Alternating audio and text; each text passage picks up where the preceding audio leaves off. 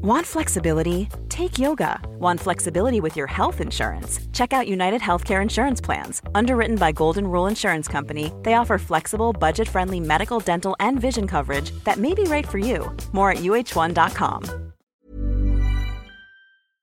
Hej och välkomna till ett rafflande, rykande, sprakande, knakande nu får du stoppa mig. Ja, men alltså, hur vågar du ens utlova det? Vi har inte ens börjat podda än. Fake it till you make it.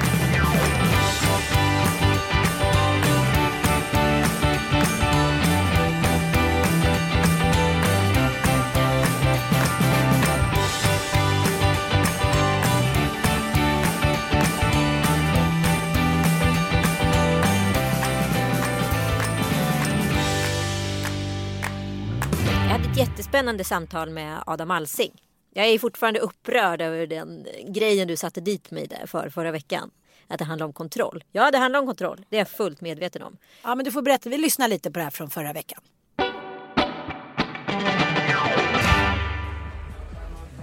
Joel är på AV efter jobbet och sen så möter han upp sin kompis och sen ska de på en Thomas Andersson Vi-spelning, en liten intim spelning i Thomas egen studio, vilket är väldigt lyxigt. För övrigt min gamla arbetsplats där jag har suttit i fyra år. Din gamla kille Jewish. Eh, jag skulle gå på Talang med eh, Penny och en kompis. Det visade sig att vi har tagit en månad fel. Så att vi alltså 9 mars skulle vi vara där och ah. det var ju 9 februari så det blev fel. Så vi åkte till eh, Bounce istället och eh, hoppade, hoppade studsmatta helt enkelt. Mm.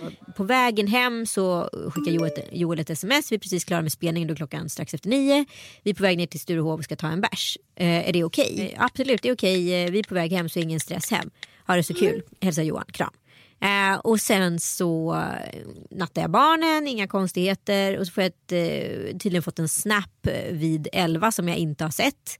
Eh, och sen så vid 12 så skickar han ett sms. Är du vaken? Varav jag svarar så här. Håller på att somna. Hur så? Och här tar det skruv då. Mm. Eh, nu är du sur. Nu är jag sur. Mm. För det jag känner är så här. Från en AV till liksom en hel kväll då tycker jag att man kan vara tydlig. Då, är det så här, då vill du ha kontroll. Att, varför ska han ha så härligt när han inte hade sagt det innan? Nu vet inte du det. Fast du själv har gjort så tusen gånger. Så har jag gjort tusen gånger. Men så jag tänker fast så här, jag har fan i mig sagt till att så här, ikväll kommer jag nog kanske köra på.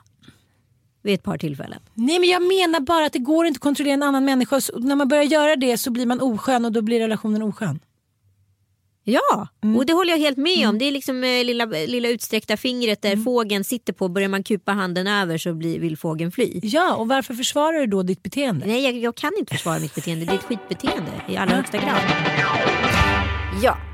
Du är fortfarande sur på mig. Nej, jag är inte sur på dig. Jag är liksom lite beklämd för det kändes som att så här, du har rätt. Det håller jag med om. Ja. Men det finns en dimension till som jag tycker heter respekt. Ja. Men respekt och kontroll kan ju gå ihop. Ja. Men det handlar ju om att här, stilla ens eh, behov på något sätt. Ja. Eh, och mitt behov stillas genom att veta istället för att inte veta. Och då kan man ju respektera det. Sen pratade jag med Adam Alsing, vilket som sa en väldigt rolig sak. Han har en son som bor eh, i London.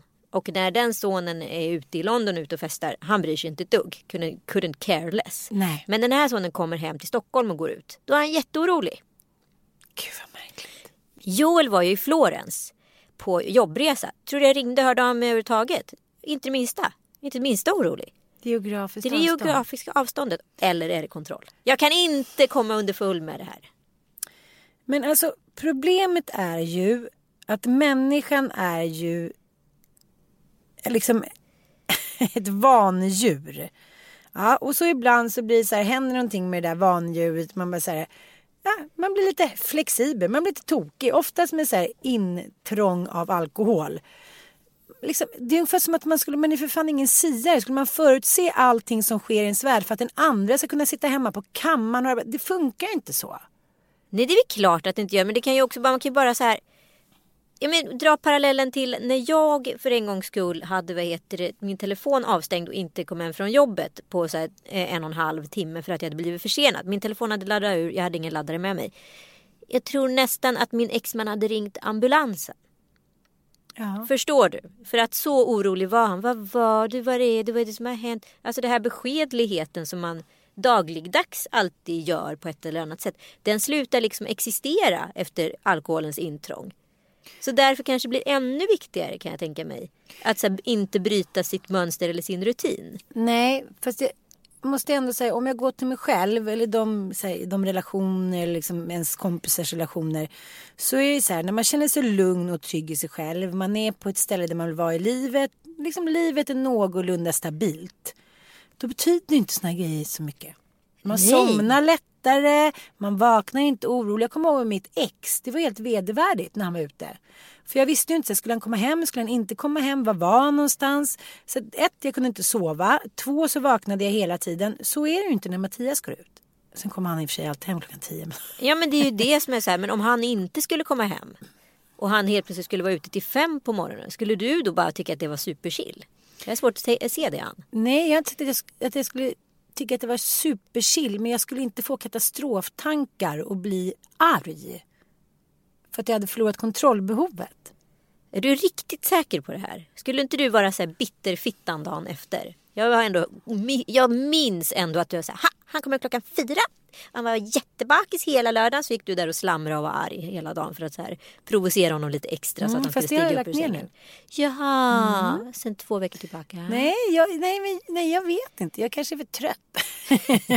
jag är bara så glad att det inte ligger fyra personer i sängen.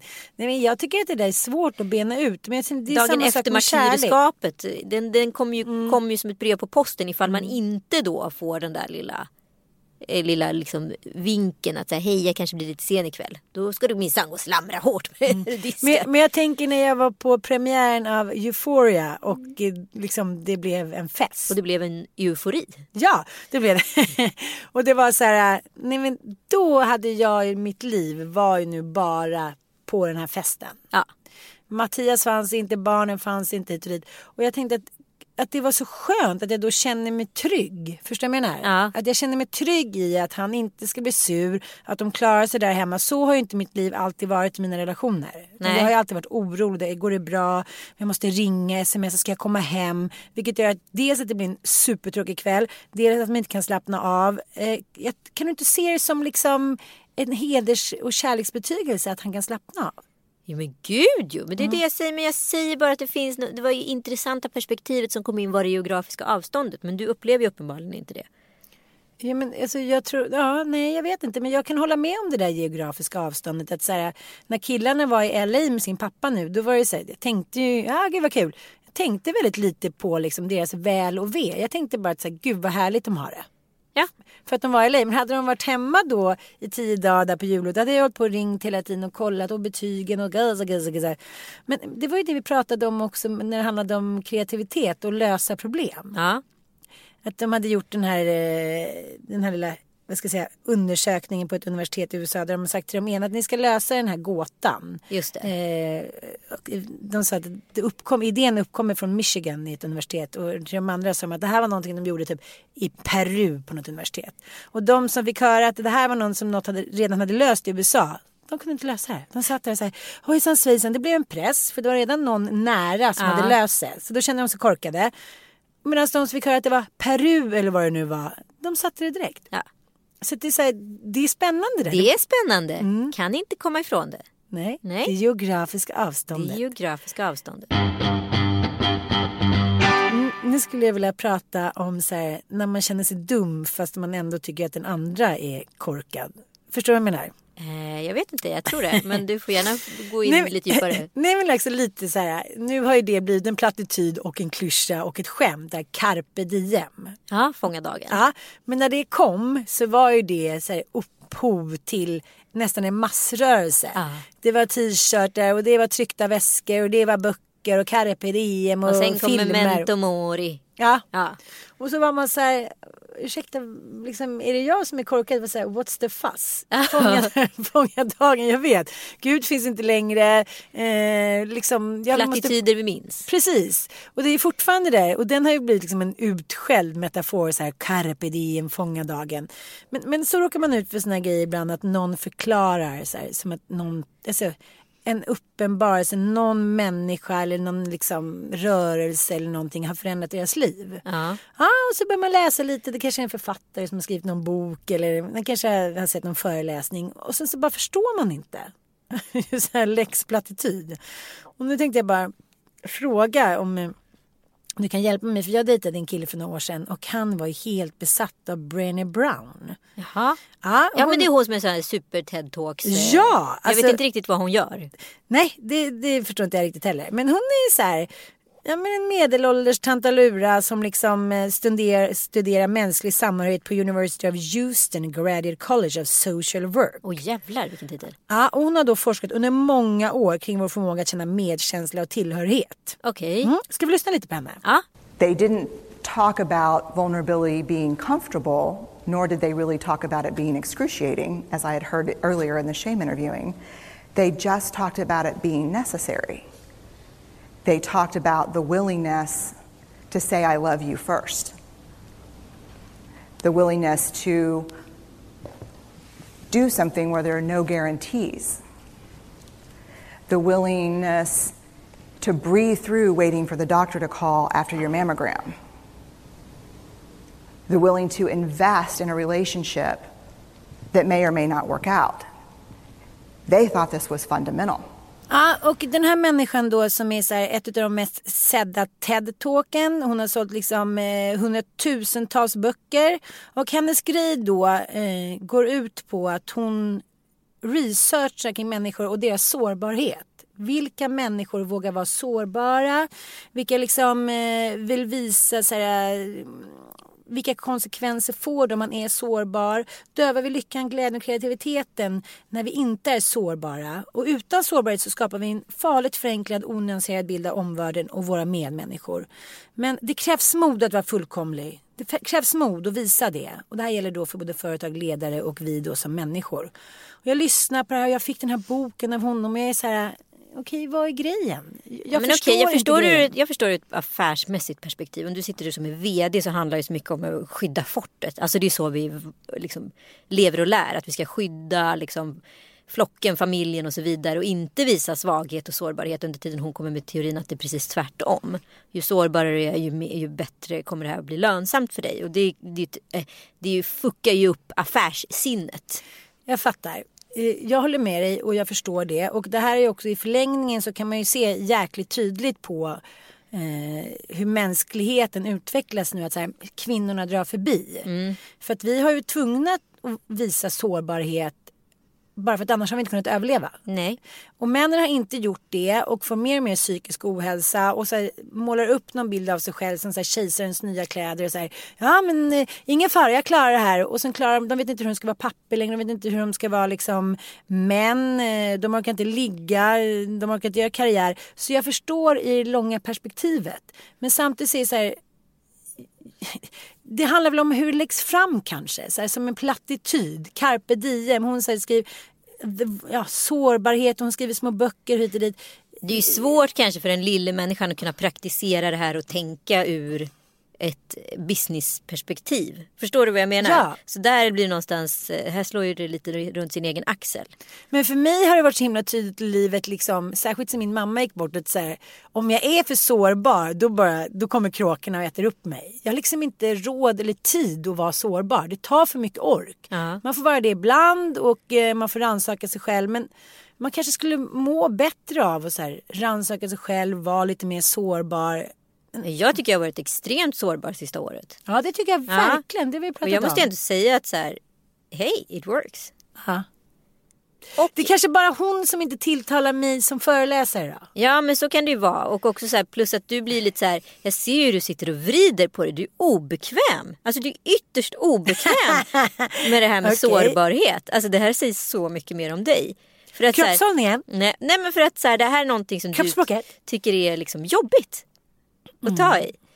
Du har ju många gånger skämtat om en Amanda Schulman personlighet som är så här, ville eh, käka kaka på sängen och få vara lite ledsen ibland och när väderhäxan kommer och så vidare i podden. Och liksom, det där är liksom det värsta som skulle kunna ske i din värld. Att du skulle få så här, behöva erkänna att så här, jag är ledsen under PMS.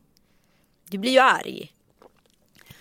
PMS, vad är det med saken? Nej men förstår du vad jag menar? Alltså, så här, du, vill ju, du blir ju hellre arg under en PMS än bryter ut i gråt. Sant. Det ligger närmare till hands. Ja. ja, det är sant. Ja, och det handlar ju om, alltså du kanske kan verkligen lyssna på henne. Det handlar ju om att så här, bryta ner Ja. ditt fort.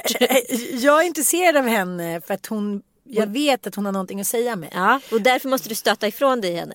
Ja, men jättekul, för det här skulle handla om hur man ibland träffar någon som man beundrar och älskar och tycker är så himla bra. Och så sitter man bredvid den och den skrattar jättemycket åt någonting som man själv tycker är jättetråkigt. Som är så här, eller den gillar någonting. Alltså, det känns som att den sitter bredvid och blir en klyscha, en plattityd. Man är så här, vad såg jag hos den där snubben eller hos den där varför är den så inne på det där? Mm, för att menar- jag förstår ingenting. Jag tror att det här provocerar dig för att det ligger egentligen för nära till hands. Och att du själv önskar, du säger ju många gånger att du önskar att du var den personen men att du inte kan hitta det hos dig. Nej, det har jag aldrig sagt.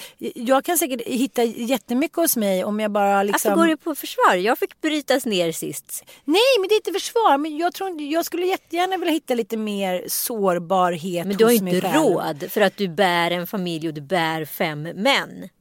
Fem? Nej men vadå, du har liksom, du, alltså, du har ju fem söner och en man som alla är oerhört beroende av denna matriark. ja, ja. Det, är inte, du finns liksom ingen tid för att vara sårbar. Det är det jag menar. Och det är som någon som sa så här till mig häromdagen. Men gud, det, det, eller du säger också det. Det- Du borde ta tag i din sorg efter din mamma hit och dit. Men så säger jag ser på allvar. Jag tänker så här, när ska jag kunna göra det? När ska jag ha, r- liksom, alltså nu menar jag känslomässigt kapital, råd att lägga mig ner och gråta. Nej men det går ju inte. Det får du göra, det får du göra när de minsta är typ tio. Jag vet. Och så säger, säger några så här, människor som tycker att de är lite mer kloka och eftertänksamma så här, och går på yoga. Förlåt. Eh, att så här, du är inte så oumbärlig som du tror. Bland annat har den här mannen som älskar René Brown sagt det till mig. Vi har liksom smsat. Jo, just hända? i ditt fall skulle jag faktiskt säga att det är du. Ja, men det är det jag också försöker så här förklara för honom så här, som har ett barn, liksom en, en, en tjej, han, liksom, han jobbar mycket men han kan ta en månad då och då och sätta sig på en kobbe och bli svart och mörk och bryta ihop och sen så återuppstå.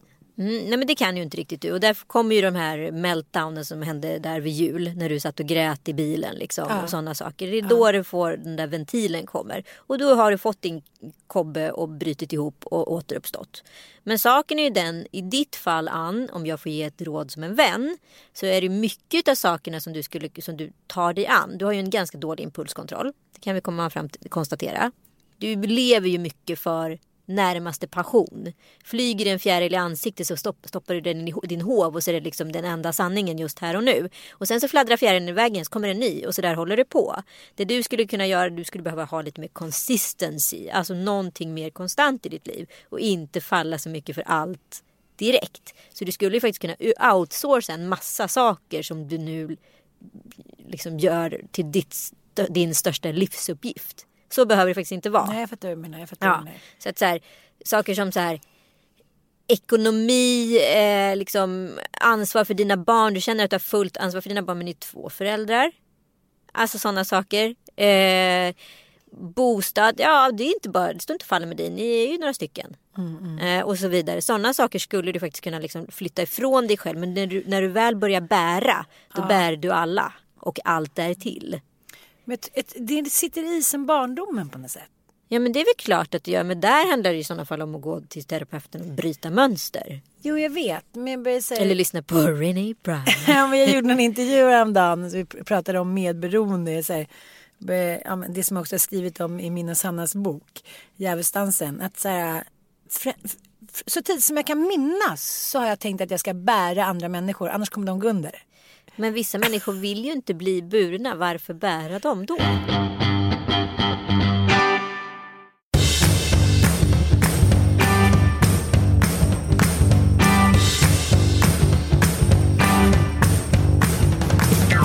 Man skaffar sig fem barn och eh, liksom inte vill bo liksom, i en stuga på landet och jobba i en livsmedelsaffär. Då är det svårt att hinna vara sårbar tycker jag. Känner inte du det? Jo men det är väl klart att det är svårt att hinna vara sårbar. Samtidigt så kan jag ju se så här. Nu sitter jag med två barn och en helt annan setup liksom. Nej men så här är det med dig. Får jag bara dra ett exempel? Ja. Eh, det här är en beskrivning utav som jag upplever Ann Söderlund. Vi bestämmer att vi ska käka middag klockan åtta på kvällen. Eh, halv tio dyker du upp för då har du också bokat en annan middag innan. Då slår ju du två flugor i. Och sen ska du vidare sen på en ytterligare en middag. Vi ska åka på en resa till Florida. Du bokar inte i sista sekund eller du bokar inte när vi andra bokar utan du tänker att du ska hoppa på tåget i sista sekund ifall du får feeling. Nej, och så slutar det med att du inte åker för att du inte kunde just då eller något annat roligare kom upp. Och så är ju du. Du bokar ju aldrig när alla andra bokar. För du måste ha friheten in i det sista att kunna ändra dig. Fast, vet du, jag tror att här, lika liksom, som med sårbarhet, att det ligger så mycket bakom att man inte vågar vara sårbar, så ligger det så mycket mer bakom allting. Dels här, ekonomi, dels så här, jaha, ska jag kunna fixa barnvakt till de andra killarna? Så det, Fast om du har fyra månader på att planera det, då har du ju faktiskt fyra månader på att planera det.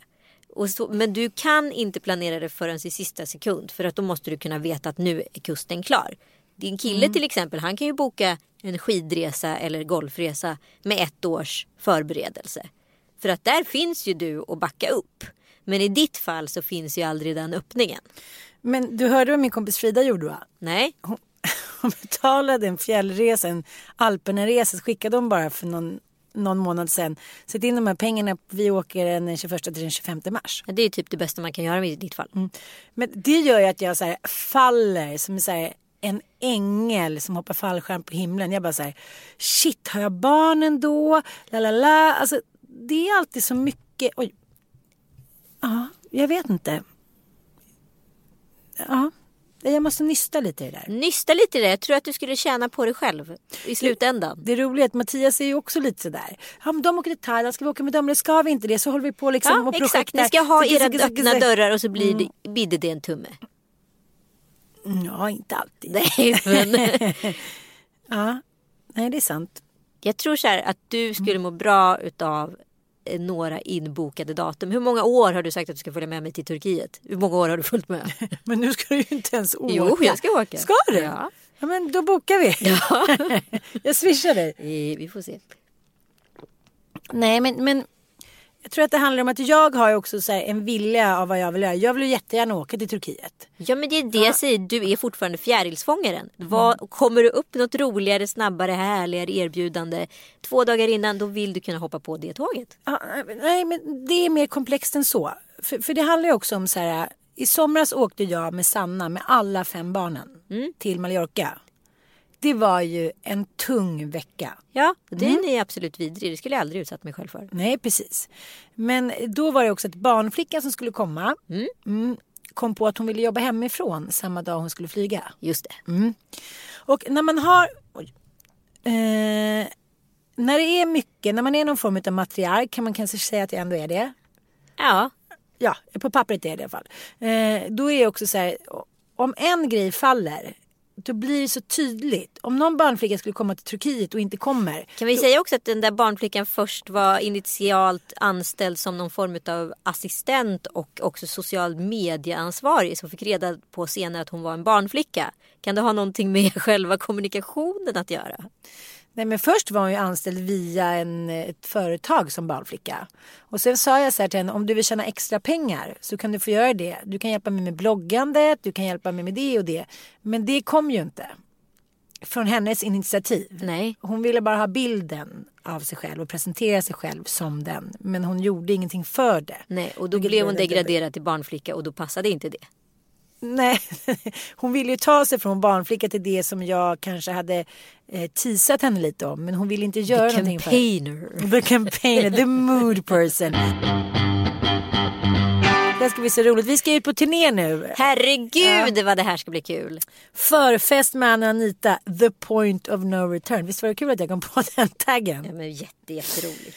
Ska vi säga vilka städer vi äntligen ska komma till och vilka datum? Ja, Så kommer... Snart kommer det en eh, fet eh, liten kampanj. eh, Exakt. Där ni får veta på allt. Men, men berätta nu då. Alla ni som kommer på den här showen kommer också få en riktig jävla håll käften goodiebag och kan vinna en bil för en weekend.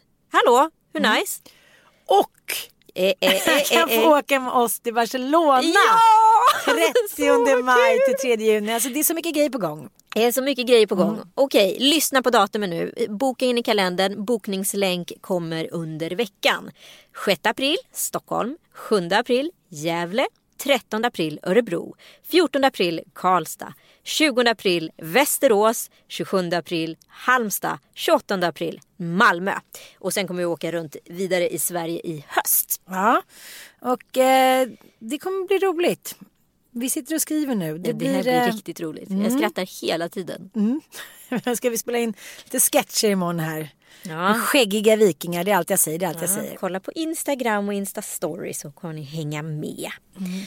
Okej, har vi avverkat det? Det jag ville säga som blev någonting helt annat var att ibland så känner man sig utanför kan dra paralleller till sekter eller samfund eller vad som helst. Vad var det man som var ser, så roligt? De är så lyckliga och glada. De har förstått någonting som man själv inte förstår. Man vill vara med i det där. Ja men det är som internhumor kan man mm. säga. Några som har ett tugg. Jag menar, vi är några kompisar som pratar med en viss dialekt varje gång de pratar med varandra. Och man fattar inte riktigt varför det är så kul. Mm. Men de har så roligt när de mm. pratar med den här dialekten. Mm. Och allt blir så roligt. Man förstår ändå att de kan porträtteras eh, två världar. Men försöker man själv liksom approchera den här dialekten och komma in i gänget. Då kollar de på en som att man är en dum, ett dumhuvud. Mm. Men jag tycker att det där är jävligt bra. För jag tänker så här. När jag och min eh, ungdoms bästa kompis Lillåsen, när vi var på, eh, på fest. Då satt vi alltid och snackade göteborgska. Ja. Helt outhärdligt för alla andra. Ja men såklart. Men det struntade vi i. Alltså, vi struntade helt i det. Ja. Vi bara fortsatte. I början tyckte folk att det var lite kul och dit. Då tänker jag så här tjejer får ju inte hålla på. Då blir vi jobbiga och liksom störiga och, och lite tokiga. Medan killar kan ju sitta med sin interna grej, vilket de alltid gör hela tiden. Och man ska här, sitta och skratta och hålla dem om ryggen och så här. så jag tycker så här, vad spelar det för roll om jag och Lillås satt och körde göteborgska? Göteborgska?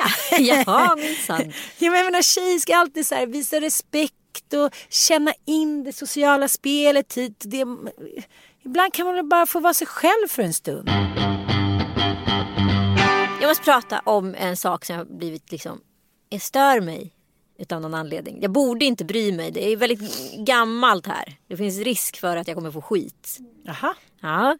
Men jag lyssnar jättemycket på musik. Jag är supermusikintresserad och jag är verkligen en kräsen allätare. Är det bra, oavsett genre, så är det bra. Spelar ingen roll om det är dansband eller liksom elektro. Förstår du? Mm, mm. Eh, men jag måste ändå säga en sak. Efter att ha lyssnat liksom på musik och var, haft det som ett av mina stora intressen i hela livet. Så måste jag ändå säga att house är ta mig fan med den plattaste liksom, musikhistoriska eran som varit. Och jag bara hoppas att det kommer någonting snart som ersätter denna platta ljudmatta. Men du utav... menar att housen fortfarande rockar? Ja, men housen är fortfarande liksom grunden i alla beats du hör hela mm. tiden. Och grejen är så här, till och med dancehall-musiken på 90-talet som var oerhört hatad och häcklad. Baby, baby! Baby, baby! Why can't we just stay together? Yeah. Corona, allt vad det var liksom. Pandora. Milli Vanilli. Vi är fortfarande på 80-talet här. Nu pratar vi 90-talet. Du är alltid fel år. Girl, you know it's true. Girl, I love you. Ignorera henne bara, lyssnare. Ignorera henne. Sen visar det sig att det var inte de som sjöng. Jag älskar sånt där. ja, men då tänker jag på så här. Varför är då housen så tråkig? Jo, till och med så här Too Unlimited hade mm. frontpersoner. Även om det inte var de som kanske var de som sjöng. Så var det ändå frontpersoner. Eh, och housen är ju relativt anonym. Dessutom fattar man ju inte riktigt vad de gör där bakom sina DJ super-DJ-bås. Nej. Nej, och att de är så älskade av så många miljoner Då människor. Räcker det att de räcker upp handen. Jag var ju själv på Swedish House Mafias sista konsert. Hur var på... det? Ja, men det var ju helt otroligt. Det var ju superinspirerande men samtidigt en väldigt knasig psykedelisk upplevelse. Alltså, vi lyssnar lite på musik, sen måste du berätta om det för jag är väldigt nyfiken på det.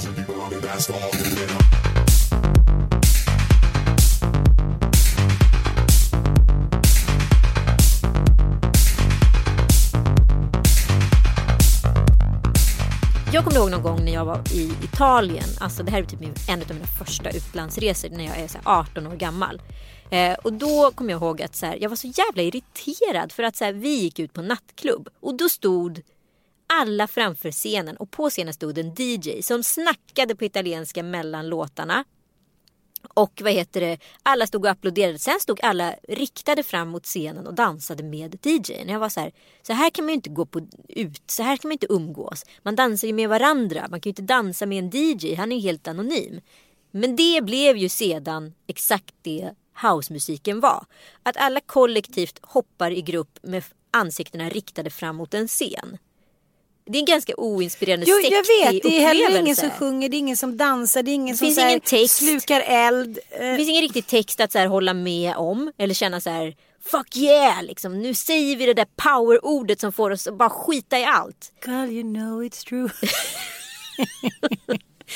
Nej, och så tänker jag så här. Ja, Okej, den är identitetslös för att den inte har några riktiga frontpersoner.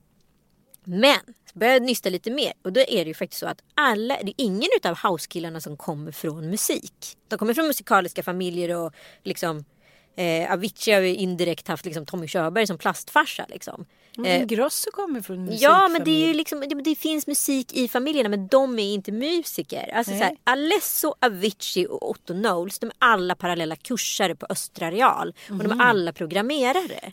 Jag fattar. Men, men vad är det då eh, som får dig och många hundratusentals med dig att köpa en biljett för 800 spänn och stå där och titta på någon som inte vill synas? Ja men det är det jag inte förstår. För ingen av de här personerna vill ju liksom ha en publikkontakt. Och ofta, alltså den musikhistorien man kommer ifrån är ju att det är någon som har ett budskap de vill berätta och förmedla genom musik. Om det sker i toner eller om det sker i ord, det har ju alltid varit grundläggande. Här finns det egentligen ingenting utav det.